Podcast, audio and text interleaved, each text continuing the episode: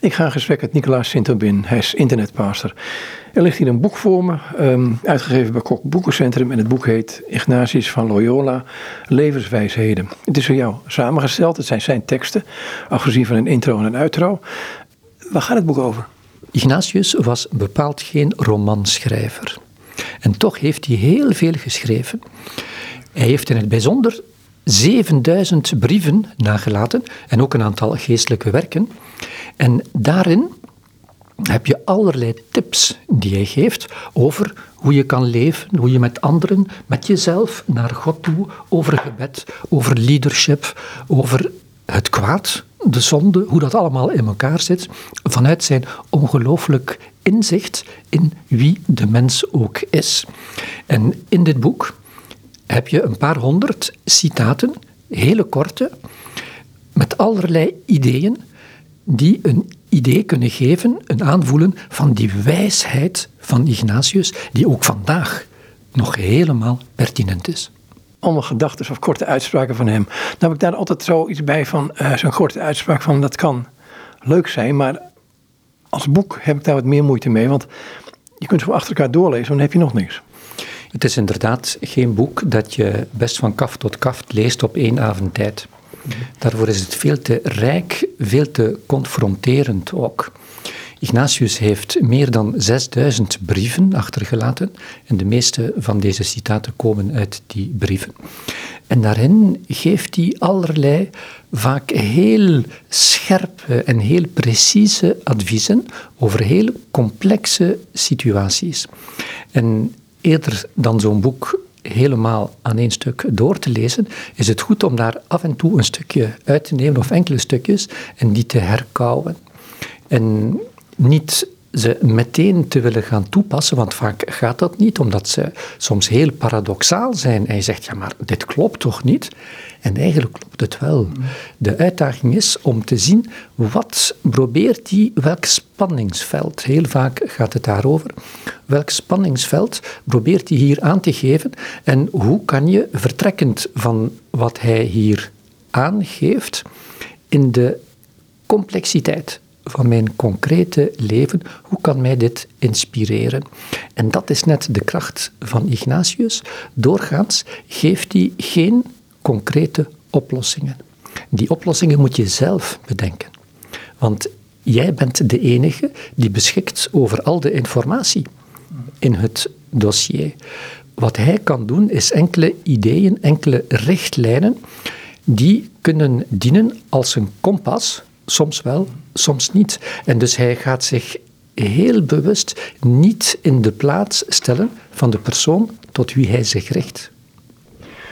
Ik begin maar met één en um, daar zit voor mij meteen ook een probleem. Um, ik lees hem gewoon voor. De ervaring leert dat waar de meeste tegenspraak is, de grootste vruchten verwachten valt. Als ik naar deze tijd kijk, dan denk ik, ja, dat zou er wel eens eentje voor deze tijd kunnen zijn. Tegelijkertijd denk ik, het kan ook een, een principe zijn waar je God volkomen buiten laat staan, want dit was wel een, een godzoeker. Ignatius was ongetwijfeld een godzoeker. Hij was mystiek begaafd. Dat wil zeggen dat het iemand was die vanuit zijn gebedsleven, die bad verschillende uren per dag, elke dag, een hele sterke betrokkenheid had op God. Het citaat dat je net komt voor te lezen, zoals trouwens heel veel Bijbelcitaten ook, dient geïnterpreteerd te worden. En voor je het weet zit je op een heel verkeerd spoor en kan je dit gaan gebruiken als een vrijbrief voor om het even wat. Ah, de mensen zijn het niet eens met mij, eh, mensen worden heel boos door wat ik zeg. Het zal wel juist zijn, het zal wel zijn wat God van mij verwacht. Nee, dit citaat. Hè. Je zou daar heel makkelijk uh, verschillende bijbelse citaten kunnen naastleggen die heel sterk in die richting gaan. Vind je terug in de oudste christelijke traditie. Ik ga een voorbeeld geven. Bij de monniken, bij de trappisten in het bijzonder, heb je in het bestuur van de trappisten een regel dat als een nieuwe abt wordt verkozen, dat de verkiezing daarvan dient goedgekeurd te worden door de algemene abt, die aan het hoofd staat van alle trappisten wereldwijd.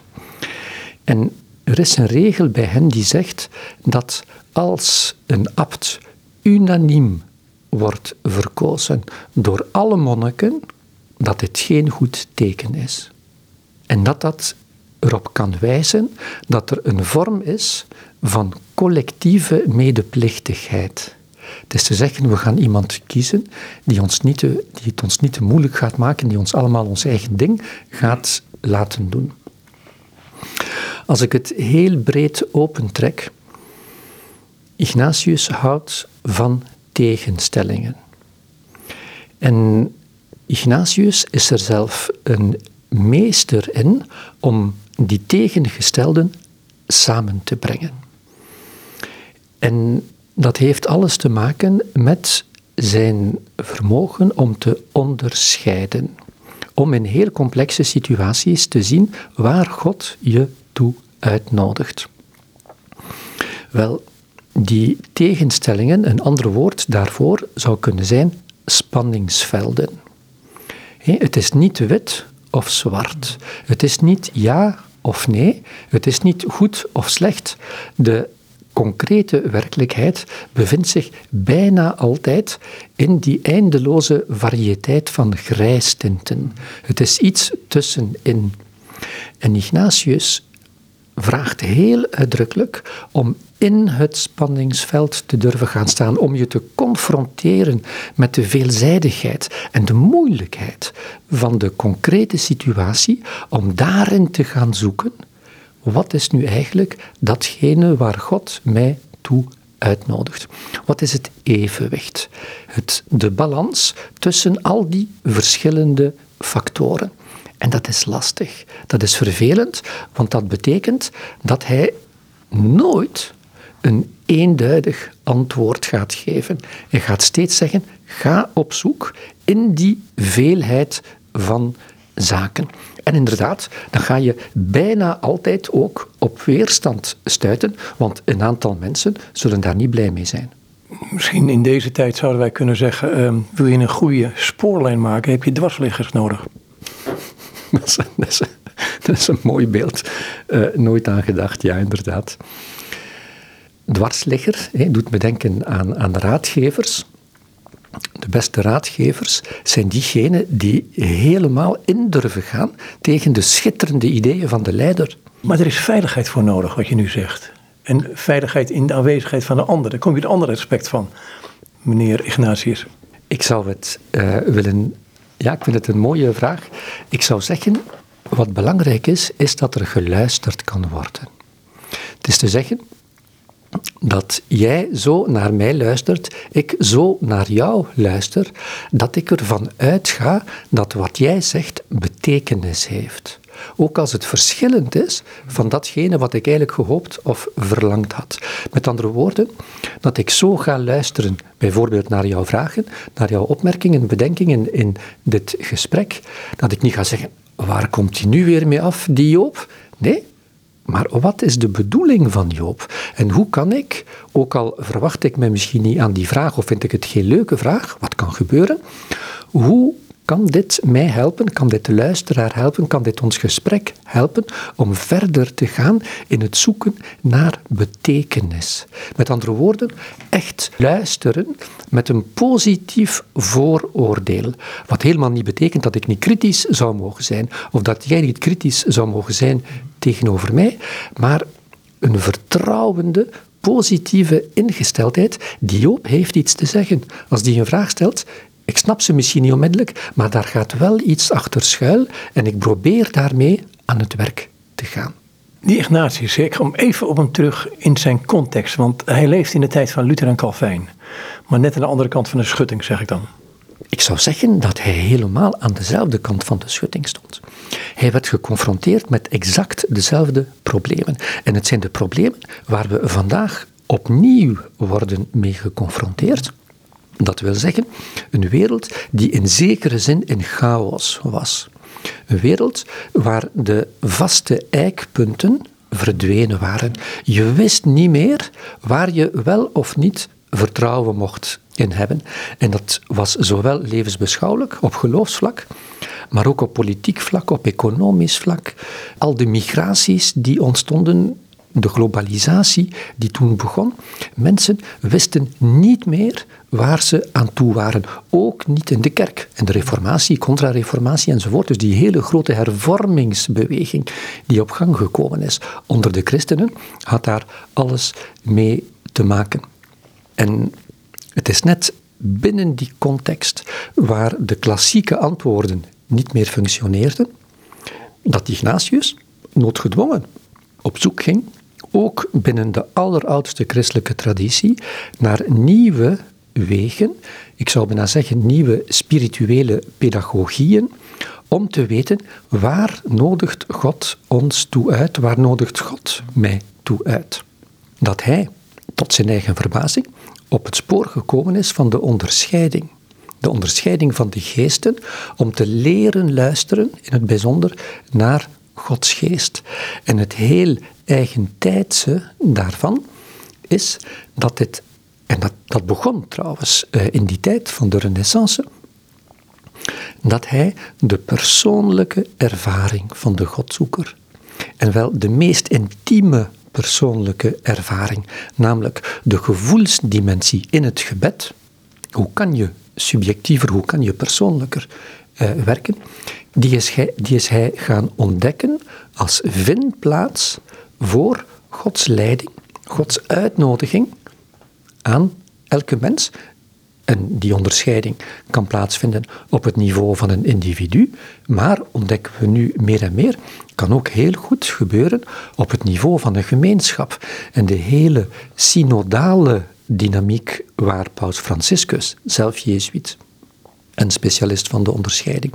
Die hele synodale dynamiek waartoe Paus Franciscus de katholieke kerk wereldwijd uitnodigt, is daar gewoon een illustratie van. Op zoek gaan vanuit het gebed, vanuit het luisteren naar elkaar, waartoe nodigt God ons uit in deze hele complexe, voortdurend veranderende wereld, waar eigenlijk niemand nog weet van welk hout pijlen te maken.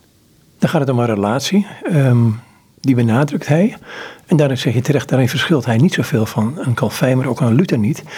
Um, hoe bouwt hij die relatie uit? Want um, dat blijft mij intrigeren bij hem. Maar ik wil eerst een ander stukje lezen. Misschien kunnen we dan, we komen hier vanzelf alweer op, denk ik.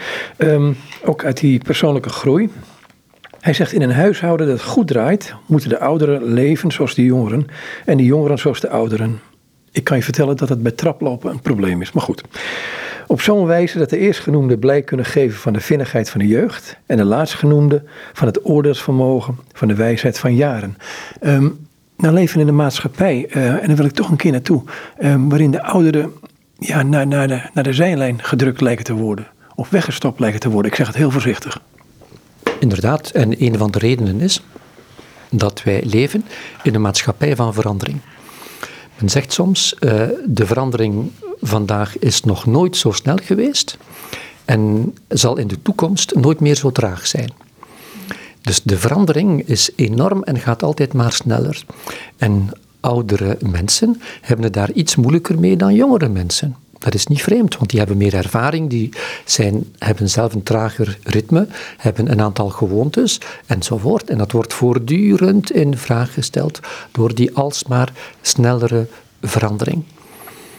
En wat zegt die, dit citaat van Ignatius? want jonge mensen hebben het daar veel moeilijker mee, veel makkelijker mee met het. Maar jonge mensen hebben dan minder ervaring. Want doorheen al die veranderingen heb je een aantal lijnen die uiteraard dezelfde blijven. Want de menselijke ziel, de liefde, blijft ten gronde dezelfde. En dus die oude mensen hebben een ongelooflijke schat aan ervaring. Die geldt voor hen en die net zo goed geldt voor die jongeren. En hier is het opnieuw een voorbeeld van een mooi spanningsveld, van iets wat tegengesteld lijkt aan elkaar, en dat, maar dat elkaar helemaal niet hoeft uit te sluiten. Je kan en in die verandering staan, want je hebt eigenlijk ook geen keuze, want die verandering gaat er gewoon uh, door. En als je er niet aan meedoet, dan blijf jij aan de zijlijn staan en de trein gaat verder. Dus je moet met die verandering mee en tegelijkertijd tegelijkertijd hebben we allemaal zoveel te leren van die wijsheid van de oudere generaties. Het is niet het een of het ander, het is niet wit-zwart, het is steeds een combinatie van beide. En dat evenwicht zoeken is een voortdurende uitdaging die niet makkelijk is, die lastig is. Het zou veel makkelijker zijn mochten we definitieve antwoorden kunnen geven. In onze cultuur is dat bijna onmogelijk geworden. En Ignatius, de grote verdienste van hem, is dat hij een pedagogiek, een methode aanreikt om eigenlijk op een relatief eenvoudige manier in al die spanningsvelden te gaan staan en er niet overspoeld door te worden, maar om ze te gebruiken als een webplank naar groei, persoonlijke groei en gemeenschapsgroei. Maar goed, dan zit je in een maatschappij waarin alles snel moet, alles nu moet vooral. Als ik nu direct een appel heb, dan, dan uh, heb ik een appje waardoor ik een, uh, een appelbesteller voor de deur krijg, om wijze van spreken. Maar een eik die heeft tijd nodig om te groeien. En die, die traagheid die van groei, um, ja, wat doe je daarmee? Inderdaad, en een nieuw voorbeeld, een heel pertinent voorbeeld dat je geeft van tegengestelden en van spanningsveld. En dan is het belangrijk om daar heel bewust, en ik zou ook zeggen verstandig mee om te gaan. Je hebt het over keuzes maken. Wel, sommige keuzes kan je makkelijk en heel snel maken. En dat, vindt, dat vinden de meeste mensen leuk en aangenaam, hè, want alles moet snel gebeuren. Maar een goede leider, bijvoorbeeld, moet, denk ik, durven zeggen op bepaalde ogenblikken. En nu gaan we even wachten. En deze keuze ga ik niet nemen op vijf minuten tijd. Sorry. Ik ga mensen consulteren. Ik ga het wat laten bezinken. En dan zal ik morgen, of volgende week, of volgende maand de knoop doorhakken. Ook dat is wijsheid. Wijsheid betekent aan de ene kant dat je in sommige situaties mee moet gaan met die versnelling en dat je in sommige situaties moet durven zeggen: sorry, nee, hier gaan we even ter plaatse halt houden. En daar kan de ervaring van de wijsheid en de ervaring van de oudere generaties ons hele waardevolle informatie geven. Zijstraat, daar is ook dossierkennis voor nodig om het zomaar in de politieke termen te doen. En dat lijkt ook te ontbreken op dit moment. Het is toch vaak op wat men hoort op het moment. Heel belangrijke vraag die je stelt. Uh, heel veel mensen gaan zich eigenlijk op een chaotische wijze laten leiden door hun gevoel door hun intuïtie bij alle mogelijke beslissingen, ook de meest belangrijke beslissingen. En de hele Ignatiaanse spiritualiteit maakt gebruik van die gevoelservaring. Maar, er is wel een maar, meer precies, er is een voorafgaande voorwaarde. En één van die voorafgaande voorwaarden is dat je ook je verstand gaat gebruiken. En dat je bijvoorbeeld je gaat informeren. Als je bijvoorbeeld een studiekeuze wil maken of een professionele ommezwaai wil maken, weet ik veel, je moet weten waar het over gaat. Je moet grondig het dossier voorbereiden, met mensen in gesprek gaan, je eigen ervaring bevragen, met collega's, met deskundigen, weet ik veel. En in de mate dat je het dossier ernstig voorbereidt, ingestudeerd, weet ik veel, hebt, in diezelfde mate zullen de gevoelens die in je hart gaan naar, gaan naar boven komen met betrekking tot de verschillende mogelijkheden, zullen die ook werkelijk geïnformeerd zijn. Anders gezegd, bij het maken van keuzes, bij het onderscheiden, gevoel en verstand, hart en ratio zijn niet aan elkaar tegengesteld, sluiten elkaar niet uit. Het is niet het een of het ander, het is beide. We hebben zowel, we hebben van God zowel een hart en een verstand gekregen. En het is belangrijk om beide met elkaar te articuleren en beide de plaats te geven die hen toekomt, anders wordt het chaos en om het even wat. Maar goed, dan moet ik aan Pascal denken. Het hart heeft zijn redenen. Hè? Inderdaad. Hè? Weer een tegenstelling. Het hart heeft redenen die de reden niet kent. Inderdaad, hart is heel belangrijk en de reden is heel belangrijk. Maar daar merk je dat Pascal uh, toch een voorkeur, nee, voorkeur is het woord niet. Maar ik, ik zou het woordje liefde erin willen betrekken. Het woord liefde heeft ook zijn plaats daarin en een heel belangrijke plaats. Want wil je in die onderscheiding aan het hart zo'n plaats toekennen, dan moet dat hart gevormd worden, moet dat hart echt een beminnend hart zijn. Een hart dat uitgezuiverd is en dat zich niet laat op sleeptouw nemen door om het even wat. En dat kan gebeuren op heel verschillende manieren. Maar christenen hebben daar een absoluut voordeel. En dat voordeel heet Jezus. Omdat Jezus de mens, God mens is, maar ook de mens van de liefde. En de liefde is het gevoel bij uitstek. En in de mate dat onze innerlijkheid, dat ons diepste wezen verbonden is, gevoed wordt, gekneed is door de persoon van Jezus, door zijn aanwezigheid, door zijn evangelie, in diezelfde mate zullen de gevoelens die in ons hart naar boven komen, meer uitgezuiverd, meer betrouwbaar zijn en ook, als we ze met ons verstand gaan interpreteren, de weg kunnen wijzen waar God jou, mij, elk op een heel unieke manier uitnodigt. Dat is onderscheiding. Dan kom ik terug wat we het eerder in het gesprek over hadden, die relatie. Ehm, ik proef hier ineens van de uniciteit van ieder mens in wezen. Ehm, maar ook het feit, en misschien vul ik nu iets in wat ik wat geen tegenstelling in zich heeft, dat je om die relatie te onderhouden tijd moet doorbrengen met Jezus, maar ook uh, stil moet durven zijn voor Hem. En ja, dan kom je tot de ontdekking uh, dat er iets in je hart leeft wat toch niet zo plezierig is altijd. Christelijk geloof is, is relatie. God is relatie.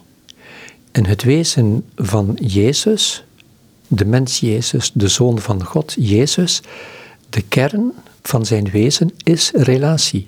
De relatie met de Vader, het zich ontvangen, het krijgen van de liefde van de Vader en het doorgeven in relatie met mensen van die relatie. Daarom is stilte voor christenen is inderdaad heel belangrijk, maar is geen doel op zich. Het volstaat niet om in de stilte te gaan en leeg te worden en helemaal leeg te worden. Dat is een beginstap een heel belangrijke beginstap. Maar wel, wil ik, zou ik willen zeggen, in relatie tot Christus. En niet in relatie tot het niets. Dat is het juist. Dus de stilte is een voorwaarde om die relatie mogelijk te maken en te versterken. Om te kunnen luisteren. Waarom wordt Israël in het Oude Testament voortdurend terug naar de woestijn gestuurd? Waarom gaat Jezus in de woestijn? Om te kunnen luisteren. Om dichter bij de Vader te kunnen komen, om alle stoorzenders uit te kunnen schakelen, om werkelijk tot de kern te kunnen komen. En de genade van het gebed, zou ik zeggen, als je werkelijk een gebedsleven kunt uitbouwen, en eigenlijk is iedereen, elke christen daartoe uitgenodigd, is dat je heel regelmatig, elke dag opnieuw, even in die stilte ruimte binnen kan gaan om die verbondenheid met God te ervaren, om je daar gewoon aan te voeden. Want het is gewoon goed van in die ruimte te zijn, in die liefdesband uh, te staan en die elke keer opnieuw te mogen ontdekken en je daardoor te laten verrassen, je daardoor te laten helen enzovoort. En als je dan concrete vragen hebt, wat vaak gebeurt, maar niet altijd het geval is, om dan onderscheidend erachter te kunnen komen in welke richting de Heer je uitnodigt.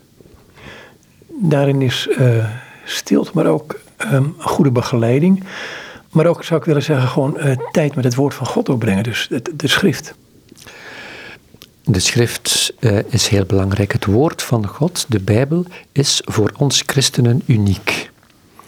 Omdat we daar het immense voorrecht hebben, en zelf heb ik een voorliefde voor de evangelies, om de ooggetuigen de oorgetuigen van Jezus te kunnen zien, te kunnen horen, te kunnen lezen. En door te bidden, door je in te leven in de stilte, in die verhalen, kan je als het ware vandaag, 2000 jaar later, op jouw beurt heel dicht bij de persoon van Jezus komen. Dit gezegd zijnde, de Bijbel, hoe belangrijk en uniek ook, is niet de enige manier om God te kunnen ontmoeten, om Jezus, de levende Heer, te kunnen ontmoeten. De Heer leeft. Niet enkel 2000 jaar geleden, hij leeft vandaag. Dat is het geloof in de vrijzenis. Dat is de hoeksteen, het absolute fundament van ons christelijk geloof. Dus wij christenen geloven dat de Heer ook vandaag in jouw leven, in mijn leven, aanwezig is. En een vorm van gebed die Ignatius heel dierbaar was, het levensgebed, het aandachtsonderzoek, het heel aandachtig gaan terugkijken, terugblikken op de ervaring van de voorbije dag bijvoorbeeld, kan een methode zijn om je steeds opnieuw bewuster te worden van Gods aanwezigheid in jouw heel gewone leven. Niet in uitzonderlijke ervaringen die bijna nooit voorkomen, maar in het gewone dagdagelijkse doen. In de tram, eh, tijdens het koken, op je werk, als je aan de computer zit, in het gesprek thuis, aan tafel enzovoort. We zei eerder in het gesprek had je het over het woordje ziel. Uh, wat bedoel je daarmee? Met het woord ziel uh, zou ik zeggen iets over de diepste identiteit van een mens. Het is voor mij zowel een ruimte als een bestaan. Een ruimte, het is te zeggen een plek in mij, heel diep in mij, in mijn werkelijk diepste kern, waar ik, die mij toelaat om dichter bij God te komen, waar ik Hem kan ontmoeten, soms op een heel uitzonderlijk, maar soms toch op een heel directe uh, manier. De ziel, zou ik zeggen, is ook iets wat elke mens tot een uniek wezen maakt. Jouw ziel en mijn ziel zijn allebei zielen, maar zijn heel verschillend, omdat jouw persoonlijkheid en mijn persoonlijkheid gewoon verschillend zijn, omdat wij twee verschillende mensen zijn. En die fantastische rijkdom van de schepping, waar de mensheid een heel bijzondere plaats in inneemt, is dat er zo'n veelheid is aan verschillende zielen, persoonlijkheden, unieke wijzes, waarop jij en ik, elke luisteraar, beeld en gelijkenis is van de grootheid en de schoonheid van God. Elk binnen zijn, haar mens zijn. Wat je nu zegt, dat wil ik tegenover zetten. Iets, iets wat tegenwoordig in zwang lijkt te komen. Dus het transhumanisme. Oftewel, ik citeer iets op mijn manier, altijd gevaarlijk, van Harari. Dat gaat ongeveer zo. Uh, wij mensen zijn hackable, wezens, zoals een computer kunt hacken. We hebben geen ziel, we hebben geen geest. Dat is een fabeltje. Dus, dus we zijn geen eeuwige wezens. Dus we, hier en nu moet je het maar mee doen. Ja, uh, dat is helemaal niet nieuw. dat is denk ik zo oud als de mensheid. En dat is een van de eerste kritieken die geuit is en waarvan sporen terug te vinden zijn in het Nieuwe Testament, in de verschijningsverhalen. Dat aan de vrienden eh, van Jezus, die de levende Heer, de vrezen Heer ontmoet hadden, gezegd werd: Kom aan, jongens, alsjeblieft. Hou op met die uh, nonsens, dood is dood, het is voorbij. Inderdaad, een aantal mensen gelooft dat het helemaal voorbij is aan het einde van het leven met de fysieke dood. En alles wees erop en alle goede redenen waren daar, opdat de leerlingen van Jezus dat ook zouden denken. En eerst dachten ze dat ook. En je merkt in bijna alle verschijningsverhalen in het Nieuwe Testament dat de leerlingen de grootste moeite hebben om te geloven dat Jezus terugleefde. Dat kan toch niet? Dat kan toch niet? En tegelijkertijd merken we dat daar zo'n sterke ervaring moet geweest zijn van ontmoeting, van aanwezigheid. En ik zeg zo sterk, zo sterk dat ze het onwaarschijnlijke trauma van de schandelijke terechtstelling van Jezus ik ga niet zeggen kon wegvegen, maar dat ze hen toeliet om niet tegenstaande die verschrikkelijke ervaring te zeggen, nee, hij leeft. Hij leeft. En zoals Paulus zegt, zonder geloof in de vrijzenis is het hele bouwwerk, bouwwerk is een ongelukkig woord, is de hele christelijke ervaring nihil. is het gewoon een, een, een mooi maar tragisch sprookje dat eh, heel slecht afgelopen is. Maar die kritiek van Hariri is helemaal niet nieuw. Die is zo oud als het christendom zelf en maakt, ik zou bijna zeggen, deel uit van de wortels van het christendom. Anders uitgedrukt, de vaststelling, het is toch waar. Het is toch waar. En op zo'n overtuigende manier dat die mensen de hele wereld ingetrokken zijn met hun gedrevenheid, hun dankbaarheid, hun, hun enthousiasme.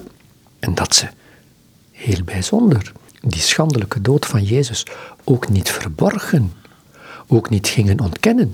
Nee, zij verkondigden de gekruisigde, verhezen Heer. En hoe laat Jezus zich herkennen aan zijn leerlingen? Door zijn handen te tonen. En die handen die gruwelijk gekwetst waren, om niet te zeggen verscheurd waren, door die nagels. Nou sta je in deze wereld waarin dat wat je nu zegt haak staat vaak op toch wat er gedacht wordt. Hoe ga je ermee om? Je met internet past. Je zal dit geheid tegenkomen. Dat het mensbeeld wat je hebt, of waar je denkt, toch heel bepalend kan zijn van hoe je ook met bijvoorbeeld begrip als angst om kunt gaan. Um, er lijkt zo'n voortdurende tegenstelling te zijn uh, waarin je leeft, dit spanningsveld. Ja, eigenlijk is mijn antwoord tamelijk eenvoudig, uh, Joop. Als ik zelf, als jongeman, ik ben een paplepel katholiek. Ik ben opgegroeid in een heel gelovig nest. alles, of toch veel, stond in het teken daarvan, was allemaal evident uh, enzovoort. En dan werd ik jongvolwassene en ik ben blijven altijd, ik ben altijd katholiek eh, christen eh, gebleven, maar ik merkte toch wel, het is toch wel mager aan het worden. Hè? En dan ben ik, ben ik het Ignatiaanse Bijbelgebed op het spoor gekomen. En ik heb, ik ben nu meer dan 30 jaar Jezuïet, heel wat mogen bidden ook op die manier. En ik heb een aantal ervaringen opgedaan. Eigenlijk van bij het begin ervaringen van aanwezigheid. Tot mijn grote verbazing. Ervaringen van ontmoeting. En nu mag jij, Joop, op je kop gaan staan, mocht je dat willen en kunnen. Die ervaringen zijn er. En u mag om het even welke meneer of om het even welke mevrouw, om het even welk boek gaan schrijven of buitengewoon subtiele ideeën gaan ontwikkelen. Ik heb iets ervaren. En het is vanuit die ervaring dat ik zelf bijvoorbeeld ervoor gekozen heb om jezuïet te worden, om priester te worden enzovoort. Niet vanwege mooie ideeën die ik ergens in een boekje gelezen heb. Ik heb iets, er is iets gebeurd in mijn leven. En als ik eerlijk wilde zijn, en ook vandaag nog eerlijk wil zijn met mezelf, dan moet ik kan ik enkel maar die ervaringen, die ook af en toe teruggekomen zijn en nog steeds terugkomen, van die ernstig te nemen. Ga ik een andere kant op. Ehm, wat hier wel mee te maken heeft, is um, wat Ignatius een, een wezenlijk uh, beginsel noemt, bijna als in je groei als christen. Dat is nederigheid. Ik zou er bescheidenheid bij willen doen. En ik neem er een voorbeeldje van uit een boek uit een eind 19e eeuw. Dat ging over Flatland, tweedimensionaal. En die konden niet geloven, er was een derde dimensie. Zit het hier ook in verpakt, die, die, die dat niet bescheiden kunnen zijn, eh, niet bescheiden genoeg kunnen zijn om nog een dimensie erbij te kunnen vinden, waardoor we denken van hé, hey, zou er toch een God kunnen zijn? Ik denk dat het spanningsveld nederigheid hoog moet in onze cultuur absoluut fundamenteel is. Ignatius was een monument van ijdelheid, een monument van hoogmoed. Alles draaide rond zijn persoon. Ik bedoel uiteraard Ignatius voor zijn bekering. Maar zelfs daarna heeft hij een tijdje gehad dat het allemaal niet zo lukte. En dan heeft hij enorm geworsteld. Ongelooflijk, jaren geworsteld met dat spanningsveld hoogmoed, nederigheid. En in zijn fameuze geestelijke oefeningen is dat misschien wel het belangrijkste spanningsveld, de belangrijkste dynamiek. Het verschil van de hoogmoed naar de nederigheid. En de houding, de deugd bij uitstek van Jezus is de nederigheid. En wat is de nederigheid? is het staan met lege handen voor God. En bereid zijn, niet enkel noden bereid zijn, maar dankbaar vragen aan God, Heer, Gij die het leven geeft, Gij die het leven zijt, ik verlang van u te ontvangen. Het antwoord op de vraag, in welke richting? Waarom? Waarheen? De nederige mens is niet diegene die zichzelf veracht. Daar heeft het niks mee te maken. Maar die zich steeds meer kan openen op de bron van het leven die God is. En die verlangt om steeds meer te leven volgens die liefdes, dat liefdesaanbod, die liefdestroom die hij of zij op een bepaald ogenblik in het leven ontdekt heeft. En dat is het christelijk leven. Dat is de blijde boodschap waar Jezus het over heeft. En die hij illustreert, het woord is waard wat het waard is, met zijn hele leven. Het kunnen, het zich steeds meer openen op God die verlangt, die smacht om de volheid van het leven aan jou, aan mij, aan elke mens te geven. Ignatius heeft een tijd gehad dat hij eigenlijk aan het moraliseren was. Hij wilde zelf najagen, de deugden najagen. En ik kom weer met een citaat van hem. Onze vijand heeft geen beter middel om onze liefde te doven dan ons aan te zetten tot een onbezonnen vurigheid voor de deugd. En een andere, wanneer de duivel iemand ontmoet met een geweten dat al te gevoelig is, zal hij hem nog gevoeliger proberen te maken om hem uiteindelijk te brengen tot angstvalligheid en zo alle geestelijke groei te stoppen. Dat is een dilemma wat je tegenkomt. Ook in je, in je eigen leven. Ja, ik herken het ook wel hoor. En hoe? En dat is een van de rijkdommen van Ignatius. Hij was een meester van de menselijke ziel. En kon als geen ander lezen in de menselijke ziel. En dat is zo waardevol, omdat we soms de neiging hebben om te zeggen: ja, wie God ontmoet, wie het woord van God leest enzovoort, alles gaat vanzelf en die wordt automatisch geleid op het pad. Nee, de ervaring wijst uit dat mensen met de beste bedoelingen, ook christenen, de meest gekke en soms de meest slechte dingen kunnen doen. Uh, Theresia van Avila, die vond uh, een biechtvader heel belangrijk. En in een van haar geschriften zegt ze, als ik mag kiezen tussen een vrome biechtvader en een verstandige biechtvader, dan kies ik een verstandige biechtvader. Oké, dat is misschien iets, net iets te kort door de bocht, maar onze menselijke geest, zo rijk en zo krachtig en zo creatief als die kan zijn, is ook heel kwetsbaar. En met de beste bedoelingen kunnen we de grootste stommiteiten doen. En daarom is het zo belangrijk om bijvoorbeeld een geestelijke begeleider of geestelijke begeleidster te kunnen hebben. Iemand voor wie je je ziel mag openleggen. Niet opdat die jou instructies zou geven of jou zou gaan beoordelen, maar opdat die jou een vraagje kan stellen, een verband kan suggereren enzovoort, om te helpen, om te vermijden dat je zou verloren lopen in je eigen zoektocht. En mensen zijn al 2000 jaar bezig met het evangelie, met het leven volgens Jezus. Er is al de een en de andere know-how ontwikkeld, ook in zaken geestelijk leven, ook in zaken onderscheiding. Een van de problemen waar Ignatius op gestoten is in het begin van zijn bekering is dat hij geen goede gesprekspartners vond. Mensen die hem echt konden helpen om wijs te raken uit al die, die veelheid van gedachten, soms de meest gekke, die in hem naar boven kwamen. En een van de specialiteiten die Ignatius ontwikkeld heeft en die in zijn voetspoor binnen de Jezuïtische, de Ignatiaanse traditie heel belangrijk geworden is, is die van de geestelijke begeleiding. Alle katholieke gekroonde hoofden van Europa stonden in correspondentie met Ignatius en legden hem hun problemen voor, opdat hij hen raad zou geven.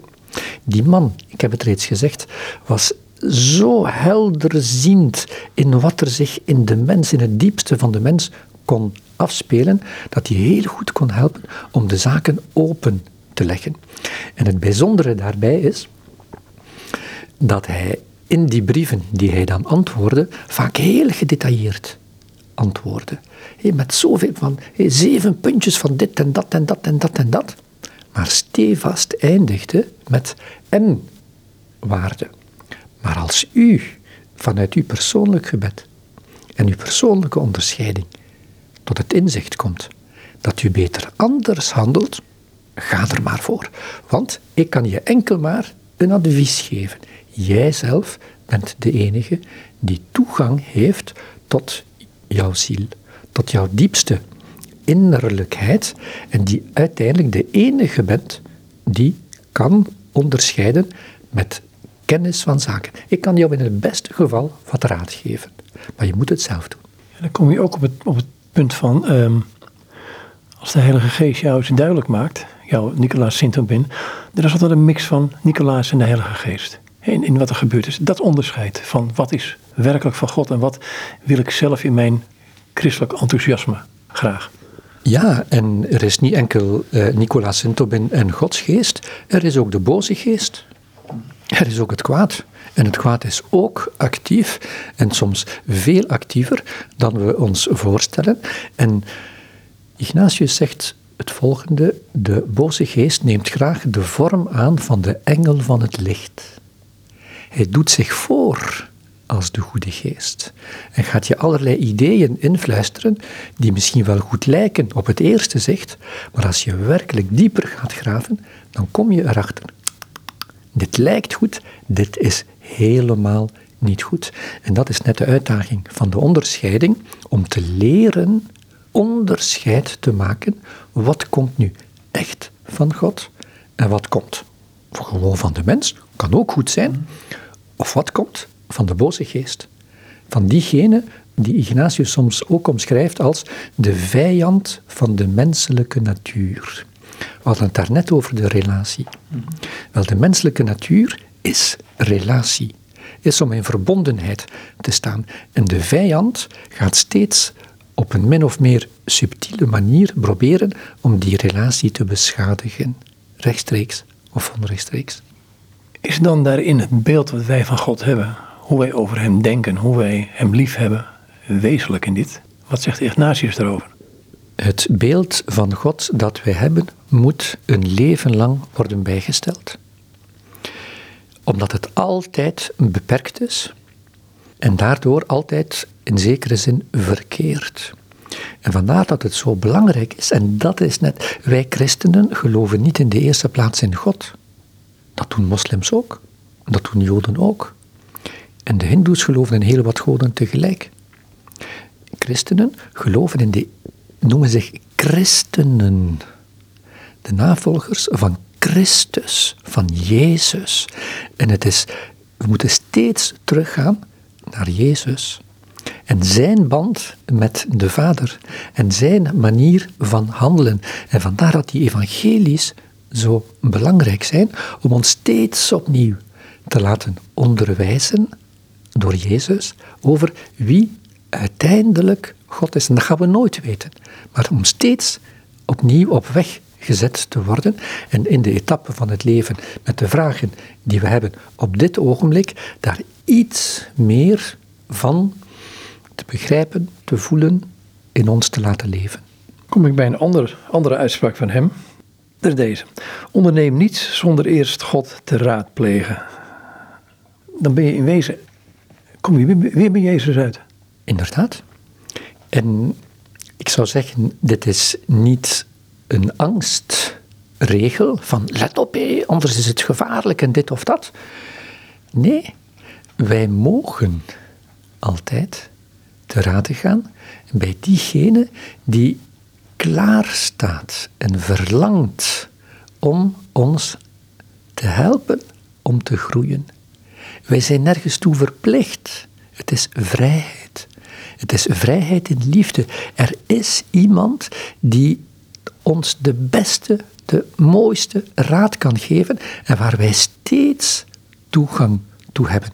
Mens, alsjeblieft, ga naar die God. Ga naar je vader en neem voldoende regelmatig tijd om bij hem tot rust te komen, om je te laven aan hem, enzovoort, enzovoort. Ja, er komt een andere spreuk na. Ja, ik kan het even niet laten hoor, om die toch ook te noemen. Ehm, wie God kent, weet hoe hij zijn geest meteen kan verheffen tot bij Gods liefde. Niet alleen wanneer hij kijkt naar de sterrenhemel, maar zelfs wanneer hij denkt aan een grasprietje of het allerkleinste dingetje. En ik moet denken aan Frère Laurent, die zegt zelfs, um, dus zijn, act van aanbidding naar God was zelfs als hij een strootje van de grond opraapte uit liefde tot God. Een paar dagen geleden las ik een boekje van Éloi Leclerc. Dat is een Franciscaan, een Franse Franciscaan. En die had het over het zonnelied van Franciscus. En Franciscus in zijn zonnelied, wat één gebed is, dat is één lang uh, gebed, heeft het over moeder aarde. Moeder aarde. Dus de hele aarde maakt die tot een gebed. Onze planeet maakt die tot een gebed om dichter bij God te komen. En het gaat hier over een boekje van Ignatius. Het hele gebeds, de hele gebedsdynamiek van Ignatius eindigt met een uitnodiging, een genadevraag om God te mogen liefhebben en dienen in alle dingen. In alle dingen. je zei het bij het begin, ik ben internetpastor, mijn blog heet In alle dingen. In alle dingen. In de meest kleine, banale dingen van het leven mogen wij, kunnen wij de grootheid van God ontdekken en daar blij om worden. En die schoonheid waarderen. Dus God is echt niet enkel aanwezig in de Bijbel. God is echt niet enkel aanwezig in een fantastische liturgie of een ongelooflijk mooi schilderij van Rembrandt of in die muziek van Bach. Ook, maar net zo goed in dat kleine bloemetje, net zo goed in die baby die aan het wenen is en wiens sluier je aan het verversen bent, net zo goed in die boterham die is enzovoort enzovoort. Alles kan bron zijn van dankbaarheid. En danken is misschien wel het eerste gebed van de christen. Danken betekent dat je de blijheid naar boven laat komen voor datgene wat jou in je leven te beurt valt. En dat kan bijna om het even wat, bijna om het even waar, bijna om het even wanneer zijn. Het christelijk geloof is buitengewoon. Ik ga dan uh, over het handelen. Ik, ik, lees maar weer een tekst, waar daar kun je lekker op reageren. Vooral eer je iets doet of zegt, stel je altijd eerst de vraag of het God zal bevallen. Goed zal zijn voor jezelf en stichtend voor je naaste. Je gebruikte net het woordje ruimte onder andere. Um, is dit een van de dingen die, die mij echt verbaast in het leven? Is het feit dat wij schijnbaar niet in staat zijn de ander zoveel ruimte te geven dat hij dichter naar Jezus kan komen. Of we altijd barrières lijken op te werpen die ja, meer duiden op dat wij de ander willen overheersen dan ruimte willen geven om. Ik zou het volgende, ik ga het heel breed opentrekken. Matthäus 25, het laatste oordeel, waar Jezus het heeft over datgene wat maakt dat een mens echt ten volle tot leven komt en zal blijven leven, ook over de grens van de dood, of niet. En het enige wat hij daar noemt is het geven van drinken aan de dorstigen, het kleden van de naakten, het bezoeken van de gevangenen enzovoort. Met andere woorden, de liefde. En de liefde niet in woorden, maar de liefde in daden. Hij heeft het niet over het bekeren van de anderen. Hij heeft het niet over allerlei vroomheidspraktijken. Hij heeft het niet over de leer, de juiste leer. Hij heeft het, hij noemt enkel en alleen hoeveel heb jij bemind. En bij hoeveel mensen ben jij werkelijk binnengekomen met die liefde? Anders gezegd, ik denk dat onze eerste zorg misschien niet hoeft te zijn om de ander te bekeren, Daar spreekt Jezus niet over in Matthäus 25. Blijkbaar is dat niet. Maar wel, hoezeer bemin ik werkelijk? En als ik werkelijk bemin, dan gaat er iets veranderen. Bij mezelf, bij degene die ik bemin en bij diegene die daar eventueel getuige van gaan zijn. Maar uiteindelijk gaat het over de liefde. En het is de liefde die bekeert. Het is de ervaring van de liefde die bekeert. Niet liefhebben om te bekeren. Nee, nee. Liefhebben gewoon om de persoon lief te hebben. En de rest zal wel volgen. Nog een laatste tekst. Ik zou er zoveel kunnen noemen. Het gaat over het zich toevertrouwen aan God, wat, wat een hele wezenlijke voor uh, Ignatius is. Als het, het gaat dan om, over het omgaan met God in zijn levenswijsheden. En hij schrijft hier op een gegeven moment ook: um, groter is de vrijgevigheid van God. Wat, wat mensen mij niet geven kunnen, kan ik krijgen, verkrijgen van hem. Ook al geven zij mij niets, hij zal mij alles geven. Um, er zit een, er spreekt een enorm vertrouwen en overgave in. En niet in de zin van met ingehouden adem misschien is het dat het beginmoment wel, maar uiteindelijk van waarom heb ik dit niet eerder gedaan? Waarom ben ik zo bekrompen bezig in mijn leven? Ik kan het tegen mezelf zeggen, dit hoor. Het volgende komt nu bij me op. Hier ligt ergens een boek ehm, geschreven door een, iemand die het noviciaat gedaan heeft, de opleiding, dus de beginopleiding bij de Jezuïeten. En die, heeft, en die heeft een boek geschreven over een staptocht die deel uitmaakt van de basisopleiding van de Jezuïeten. Dat betekent heel concreet dat je twee maanden met een andere novice, dus een andere jongeman die de opleiding begint, gaat stappen, op, bedeva, op, nee, op pelgrimstocht gaat, zonder geld. Zonder geld. En je moet betelen. Je moet overnachting vragen en je moet voedsel vragen. En je mag niet zeggen, zeg, ik ben een toekomstige jezuïet, uh, meneer pastoor of beste zusters of uh, beste dominee, kunnen jullie mij... Nee, je zwijgt over wie je bent. En de ervaring wijst uit dat die ervaring van het je volledig toevertrouwen aan Gods voorzienigheid, want daar gaat het over, voor de meeste novicen de sterkste ervaring is van hun twee jaar proeftijd om te zien of ze al of niet jezuïet willen worden. Het zich puur toevertrouwen aan de goedheid van God, zonder te weten, als ik vandaag op stap ga, waar ik deze avond ga slapen, of ik ga eten, of ik niet ga eten. En de goedheid die zij dan ontmoeten, is dermate groot dat het leven veranderend is. Misschien als, als afsluiting nog één vraag. En dan gaat het over. Um, je hebt een heleboel getoucheerd. Um, onder andere het laatste bij die overgave.